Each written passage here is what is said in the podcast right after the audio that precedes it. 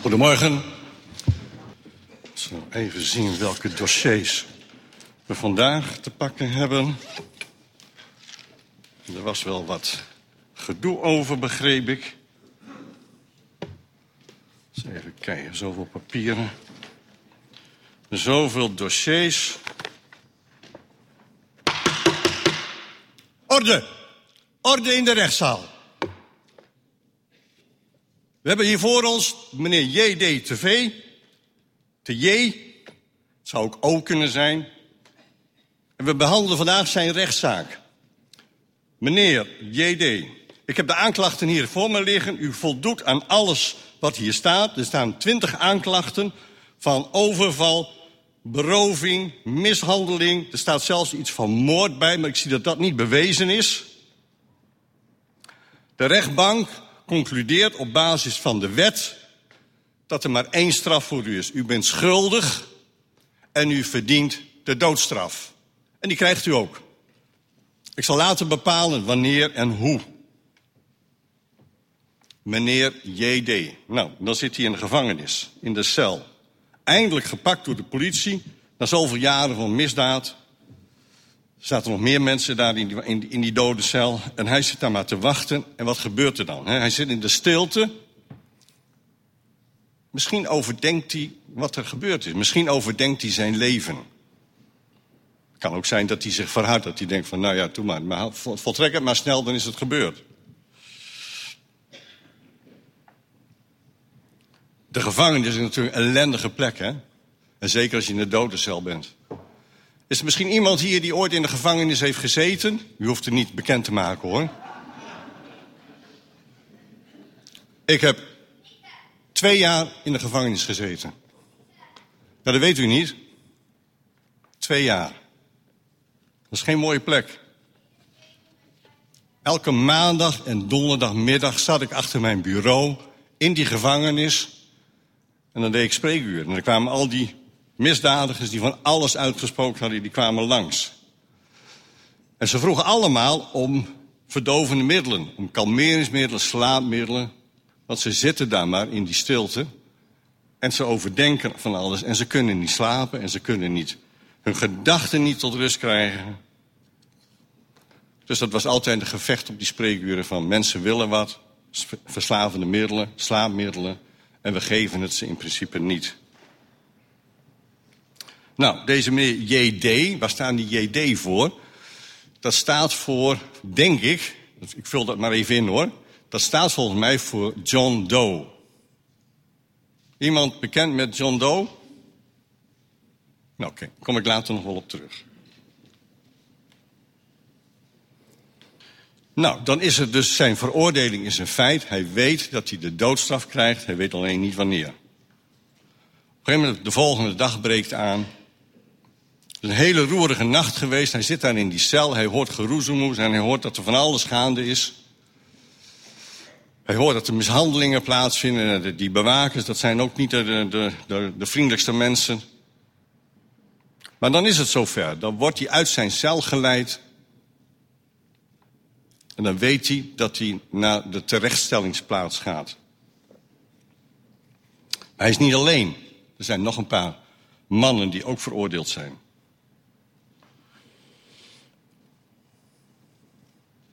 En dan komt hij buiten. Dit is, dit is invulling, hè? Ik denk dat het zo geweest zou kunnen zijn. Maar dat weet ik niet zeker. Maar ik wil een situatie schetsen. Dat we een beeld krijgen van wat daar gebeurd is. Die man, ik denk dat die man dan buiten komt op de binnenplaats van de gevangenis. Daar staan die andere gevangenen ook.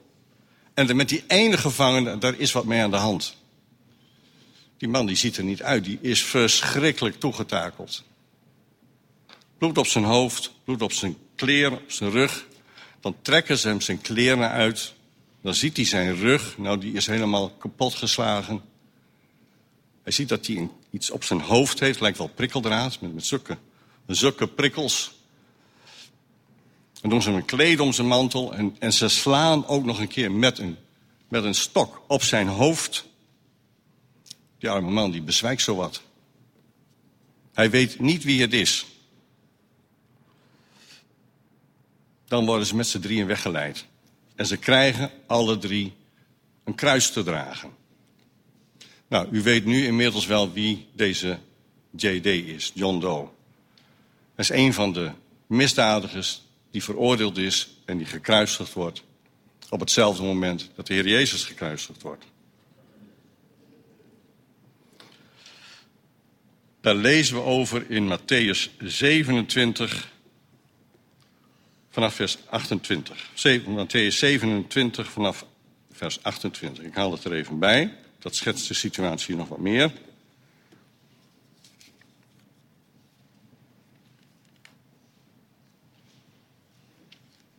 Wat ik nu lees is natuurlijk geen fictie, dat is wat in de Bijbel staat.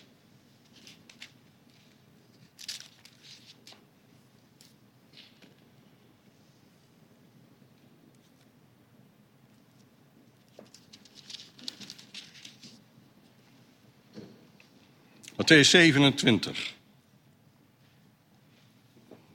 Ik, ik staan vanaf vers 28, maar laten we bij 27 beginnen. Toen namen de soldaten van de stadhouder Jezus met zich mee in het gerechtsgebouw en verzamelden heel de legerafdeling om hem heen. En toen ze hem ontkleed hadden, deden ze hem een scharlakenrode mantel om. Vlochten een kroon van dorens, zetten die op zijn hoofd en gaven hem een rietstok in zijn rechterhand. Ze vielen op, zijn, op hun knieën voor hem neer en bespotten hem met de woorden gegroet, koning van de Joden. Ook bespielden zij hem, pakten de rietstok en sloegen hem op zijn hoofd. Toen ze hem bespot hadden, trokken ze hem de mantel uit, trokken hem zijn kleren aan en leidden hem weg om hem te kruisigen.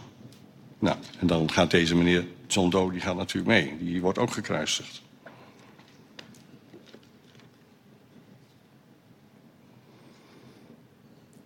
Wat ik nu schets, de Bijbel is heel duidelijk over het wegvoeren. Dat, dat zijn alle drie de gevangenen tegelijk. Wat daarvoor geweest is, weet ik niet. Ik schets nu een, situatie, maar of dat zo geweest is, weet ik niet. Dus als iemand naar de dienst naar mij toe komt en zegt... maar waar staat het in de Bijbel? Staat er niet. Wat er wel staat... is als ze dan um, op de plaats van Gethsemane... of de plaats van uh, Golgotha aankomen... en dat lezen we in Lucas 23...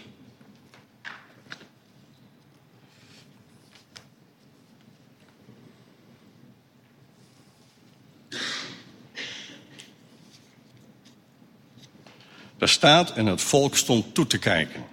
Iedereen was daarbij en iedereen keek ernaar wat daar gebeurde. En daar werd de Heer Jezus gekruisigd.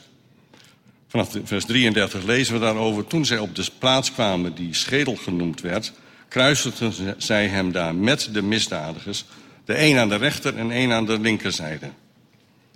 Sommige vertalingen zeggen dat het misdadigers waren, sommige vertalingen zeggen dat het rovers waren. En als je in uh, bepaalde preken leest van grote uh, sprekers, predikanten, evangelisten, dan zijn er ook bij die noemen dat, die zeggen dat het zijn moordenaars geweest, twee moordenaars. Ik heb alleen maar gezien dat er gesproken wordt over rovers en misdadigers. En dus ergens is wel een, een geschrift wat zegt dat een van deze misdadigers een moordenaar was. Maar dat is, een niet, dat is niet een geschrift wat opgenomen is in de Bijbel. Dat is een apocrief boek. Hoe dan ook, ze waren alle drie tot de dood veroordeeld. En Jezus antwoordde, Jezus zeide, Vader, vergeef het hun, want zij weten niet wat zij doen. En ze verdeelden zijn kleren en wierpen het lot. Vers 34. Vers 35, en het volk stond toe te kijken. En met hem beschimpten ook hun leiders hem, zeiden, anderen heeft hij verlost, laat hij nu zichzelf verlossen, als hij de Christus is, de uitverkorene van God. En ook de soldaten kwamen hem, hem bespotten en brachten hem zure wijn.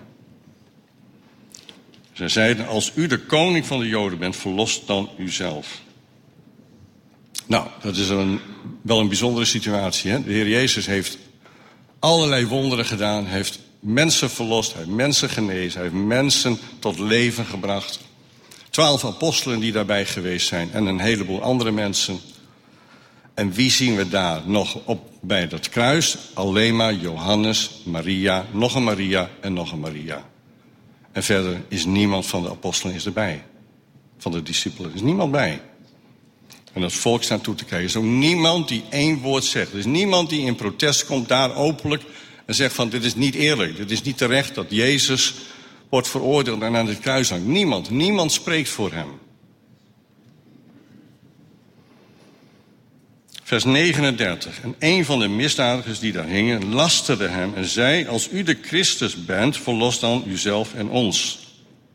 Nou, dit, nu komen we bij de tekst waar ik het over wil hebben. Maar de ander antwoordde en bestrafte hem. Vreest zelfs u God niet, nu u hetzelfde vonnis ondergaat.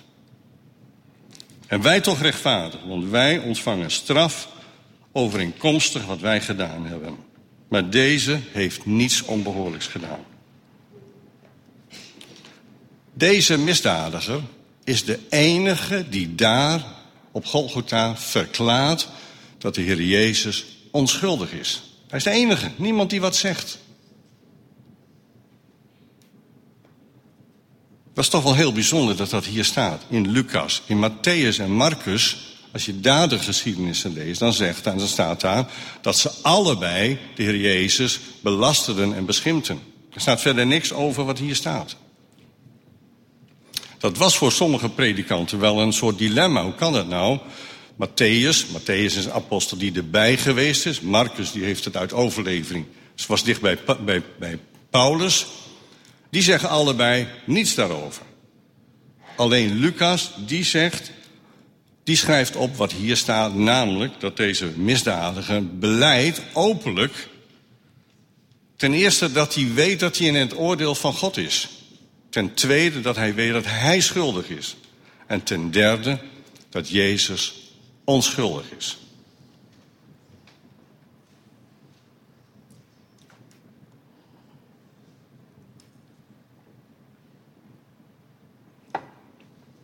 Dat is in tegenspraak met elkaar. Hè? Dan zou je zeggen, hoe kan het dan? De Bijbel zegt op twee plaatsen, twee getuigen, die, zeggen, die doen een uitspraak daarover. En als een getuigenis afgegeven wordt door twee broeders, dan is dat waar, zegt de Bijbel. Hoe kan het dan dat Lucas dit dan wel zegt? Nou, het een sluit het ander niet uit. Hè? Het kan natuurlijk zo geweest zijn, en dat, dat is denk ik ook zo, dat het in die eerste uren van de kruisiging, de kruisiging is waarschijnlijk zo rond het middaguur begonnen, en om drie uur s middags werd het duisternis tot zes uur s avonds, en om zeven uur begon de Shabbat. Dus tussen, drie, tussen 12 en 3 kan heel wat gebeurd zijn. Het kan best zijn dat hij inderdaad in het begin ook dit soort uitspraken gedaan heeft. Ook gezegd heeft van, heer, van als u de Christus bent, kom van het kruis en haal mij er ook af. Dat heeft hij misschien ook wel gezegd. Wat is er dan, wat is dan anders dat deze man op een gegeven moment toch zegt, vreest u zelfs God niet? Er moet iets gebeurd zijn. Het Lucas-evangelie is het enige evangelie die zegt, die de uitspraak aanhaalt van de Heer Jezus, als de Heer Jezus zegt, Vader, vergeef het hun, want zij weten niet wat ze doen. Deze, deze misdadiger die aan het kruis hangt, die hoort al die uitspraken. En hij hoort dan Jezus zelf zeggen, hij, hij hoort dat Jezus tot God zegt, Vader. Hij heeft die avond ervoor heeft hij alles gehoord. Hij heeft Jezus gezien in zijn, dat hij mishandeld werd. Hij heeft natuurlijk ook gehoord wat de dagen daarvoor geweest is, wat er gebeurd is allemaal. Hij heeft gehoord van die bijzondere man, dat hij rondging in Israël en dat hij mensen gedas en het evangelie bracht en mensen opriep van bekeer u. Ergens op een bepaald moment heeft deze man toegelaten dat Gods geest in hem ging werken. Korinthe 2 zegt dat, het, dat wat wij weten, wat wij kennen over God, dat het door, aan ons geopenbaard is door de geest. Dat is bij deze man ook gebeurd. Misschien is het wel de uitspraak van de Heer Jezus geweest. Dat hij zegt, Vader, vergeef het hun, want ze weten niet wat ze doen. Dat hij op dat moment gedacht heeft van, hij spreekt tot zijn hemelse Vader. En dan komt hij tot ontdekking dit is het oordeel waar ik in ben. En, en Jezus hangt naast mij en die is onschuldig. En die draagt het oordeel ook voor mijn zonden. Dat beleidt hij dan ook. Hij zegt dan, Vreest u zelfs God niet nu u hetzelfde vonnis ondergaat, want wij toch rechtvaardig. Hij erkent dat hij rechtvaardig het oordeel krijgt over zijn zonde. Dat hij rechtvaardig ter dood veroordeeld is. Wij ontvangen straf overeenkomstig wat wij gedaan hebben. Maar deze heeft niets onbehoorlijks gedaan. Hij is de enige die daar ter plekke zijn schuld beleidt, zijn zonde beleidt en erkent dat Jezus zonder zonde is. En dan gaat hij verder. En dan zegt hij tegen Jezus, ik lees uit de herziende statenvertaling, daar staat, Heere, denk aan mij als u in uw koninkrijk gekomen bent. Er zijn nieuwere vertalingen die zeggen, Jezus, denk aan mij als u in uw koninkrijk gekomen bent. Ik vind het wel mooi dat hij hier staat, Heere, want hij erkent daarmee gelijk dat Jezus Heer is. En in de Bijbel staat dat wij Heere zeggen weer door de geest, door zijn geest. Het is de geest die ons dat openbaart. Heere, denk aan mij als u in uw koninkrijk gekomen bent. En Jezus zegt tegen hem, de eerste mens, voorwaar, ik zeg u, heden zult u met mij in het paradijs zijn. Ik sprak vanmorgen iemand en die zei, die had het over de eerste mens in Azië die tot bekering kwam. En dit is de eerste mens tegen wie God zegt, tegen wie de Heer Jezus zegt, je gaat met mij mee naar het paradijs.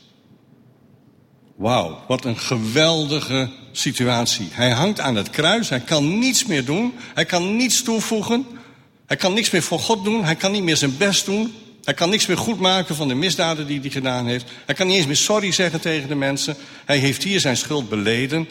En hier durft hij het aan, notabene, om aan Jezus te vragen... Heer, wilt u aan mij denken? Heer, wilt u aan mij denken?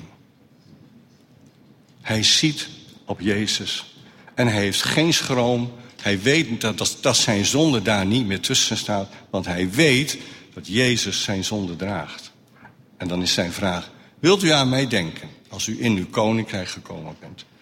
Hij doet dat zonder, zonder belemmering, zonder schroom. Hij heeft niets te verliezen. Hij doet alleen maar een beroep op Gods liefde en op de genade. En Jezus zegt, voorwaar, ik zeg u, heden zult u met mij in het paradijs zijn. Is natuurlijk een situatie die eh, eigenlijk een soort prototype is voor de keuze die de mens kan maken. We hebben twee misdadigers, allebei dezelfde weg. Allebei zien ze Jezus in zijn lijden, in zijn vernedering, in zijn weg naar Golgotha. Allebei zien ze dat Jezus aan het kruis hangt. Allebei horen ze alles wat daar gebeurt en wat Jezus zegt. En de een die verhardt zich, die wijst hem af. En de ander die neemt hem aan. Dit, staat, dit zijn synoniemen, prototypes voor de mens. De ene mens die Jezus afwijst. En de andere mens die Jezus aanneemt.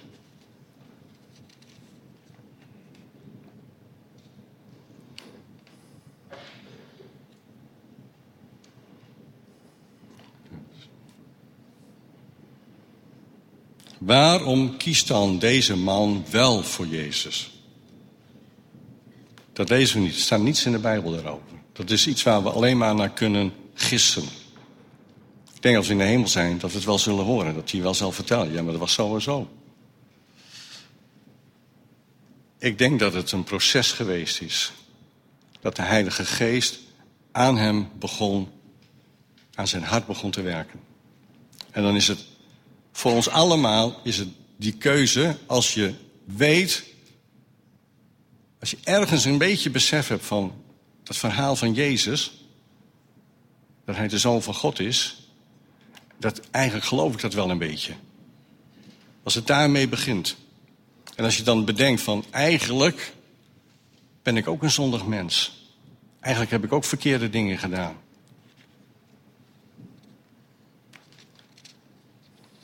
Eigenlijk heb ik ook het oordeel verdiend. Dat kan zijn als je jong bent, dat kan zijn als je oud bent. Dat is een proces wat de Heilige Geest aan ons duidelijk maakt. En je kan je ervoor afsluiten. En zeggen van ja, maar dat wil ik helemaal niet horen. Ik wil helemaal niet weten dat ik schuldig ben. Ik wil helemaal God geen, geen recht geven dat hij over mij oordeelt. Ik wil niet eens geloven dat God bestaat. Dat is wat de moderne mens doet. Dat doet deze andere moordenaar eigenlijk ook al. Die misschien zo boos is over het oordeel wat hij heeft. Dat hij denkt, nou, die, maar ik wil helemaal geen God. Ik wil helemaal niks. Dit, deze situatie laat ons zien dat de, dat de mens die keuze heeft. Iedereen kan zelf kiezen. Neem je het aanbod van Jezus aan of wijs je het af? De Heer Jezus zegt ook niet van tegen hun allebei van heden zullen jullie met mij in het paradijs zijn. Hij zegt heden zult u met mij in het paradijs zijn. Dat is enkelvoudig. Dus voor één persoon. Het is niet wat ik ervan maak, dit is wat ik hier lees.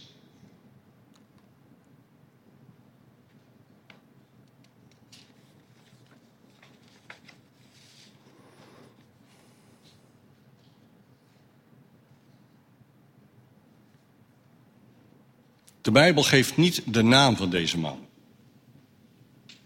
er is een, uh, ik geloof een soort evangelie van Nicodemus, dat is een apocryf geschrift. Daar, daar wordt hij Demas of Dimas, Dismas genoemd. En dan noemen ze ook wel de, de goede zondaar of de goede misdadiger. Nou ja, dat is een beetje een tegenstrijdige benaming.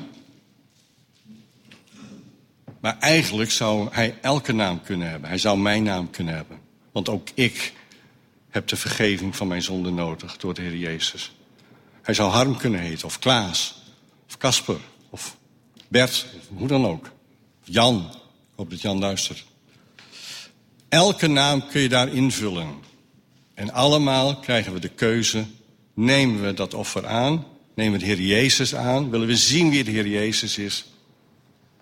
Of wijzen we het af?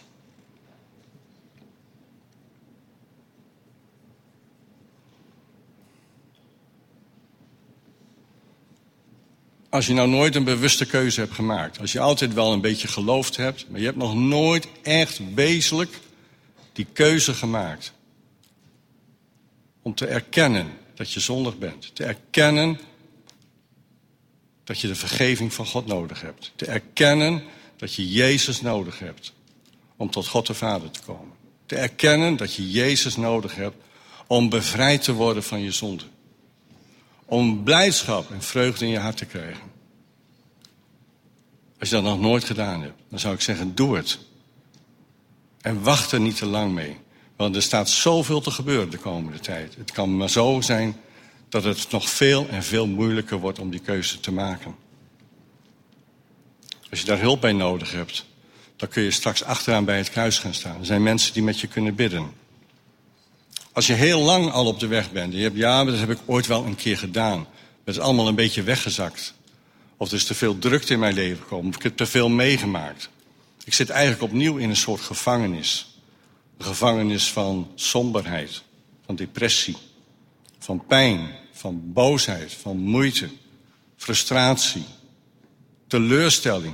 Teleurstelling in, in, in mensen, in de kerk, teleurstelling in God. Ook dan komt het erop aan dat je je opnieuw moet richten op het zien, het zien van Jezus. Om te, om te zien wat Hij voor ons gedaan heeft. Maar ook om te zien dat het volkomen is, dat het volmaakt is wat Hij gedaan heeft. Om te zien dat er alleen maar liefde en liefde en liefde te zien is. Daar op het kruis door Jezus. God heeft zijn liefde geopenbaard in Hem voor een ieder zoals we hier zitten. Daar hoef je niets aan toe te voegen. Deze zondaar, hij kon helemaal niets meer doen. Hij kon alleen maar beleiden dat hij zondig was. En zich uitstrekken, vol overgave, naar de genade door het werk van de Heer Jezus. Die hij ook direct, direct kreeg. Er was geen voorwaarde meer. Hij hoefde daarna niet meer een leven te leiden wat heel goed zou zijn of wat heel netjes zou zijn. Het was volkomen en voldoende. Maar het is wel opgetekend. Het staat in de Bijbel. Deze man, we weten zijn naam niet, maar dit, dit, dit is wel opgeschreven drie keer en, en de derde keer door Lucas uitgebreid met zijn beleidenis. De eerste man. De eerste man waardoor de zon in de wereld kwam, was Adam. De eerste mens.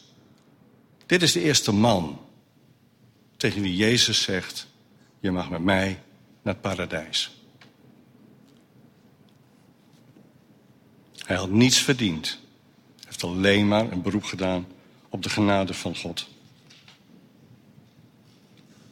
En als je nou zelf in, een, in, in die periode zit dat je het zicht op God kwijt bent, dat je eigenlijk helemaal verflauwd en vervlakt en misschien wel wat verkeeld in je hart bent, in je geloof, ook dan is het dezelfde weg. Kijken naar de Heer Jezus. Zijn liefdevolle blik zien. En je opnieuw realiseren dat je Hem nodig hebt. Dat Hij de vreugde van ons hart is. Dat Hij degene is in wie we ons elke dag mogen verblijden. Je moet je het ook een soort toe-eigenen. Dat je elke dag opnieuw je bewust bent. Niet van je goedheid of van je capaciteit of wat dan ook. Hoewel er niks mis mee is. Maar dat je elke dag bewust bent. Dat je in je hart voelt en ervaart. Jezus is mijn Heer. En ik ben een kind van God. Door Jezus. Niet doordat ik het verdien, maar door Jezus. En dan wordt je leven wel anders. Dan gaat die gevangenismuur, die gaat wel wegvallen. Ik, ik wil dit niet als een goedkoop recept neerleggen van dan is alles opgelost en zijn al onze problemen opgelost. Maar ik denk wel dat het hiermee begint. Als wij zien op Jezus, worden dingen in ons leven anders. Ook dan is daar een plaats achter in de zaal waar met je gebeden kan worden. Als je dat nodig hebt. We zijn natuurlijk allemaal wat terughoudend daarin. Maar deze man was dat niet. Openlijk, waar iedereen bij stond, verklaarde hij zijn schuld. Hij beleed zijn schuld. En hij deed een beroep op de Heer Jezus. Zouden wij ons voor elkaar schamen als we daarachter zouden staan en gaan zeggen van... wil er iemand met mij bidden? Kan er, kan een oudste met mij bidden of iemand van het gebedsteam? Zou toch geweldig zijn? Wat weerhoudt ons? Onze schaamte? Hebben we helemaal niet nodig. We hoeven ons niet te schamen. We kunnen gewoon een beroep doen op de Heer Jezus. En als we het lastig vinden om het zelf te doen, dan helpen we elkaar daarbij. Daarmee wil ik afsluiten. Einde van de rechtszaak.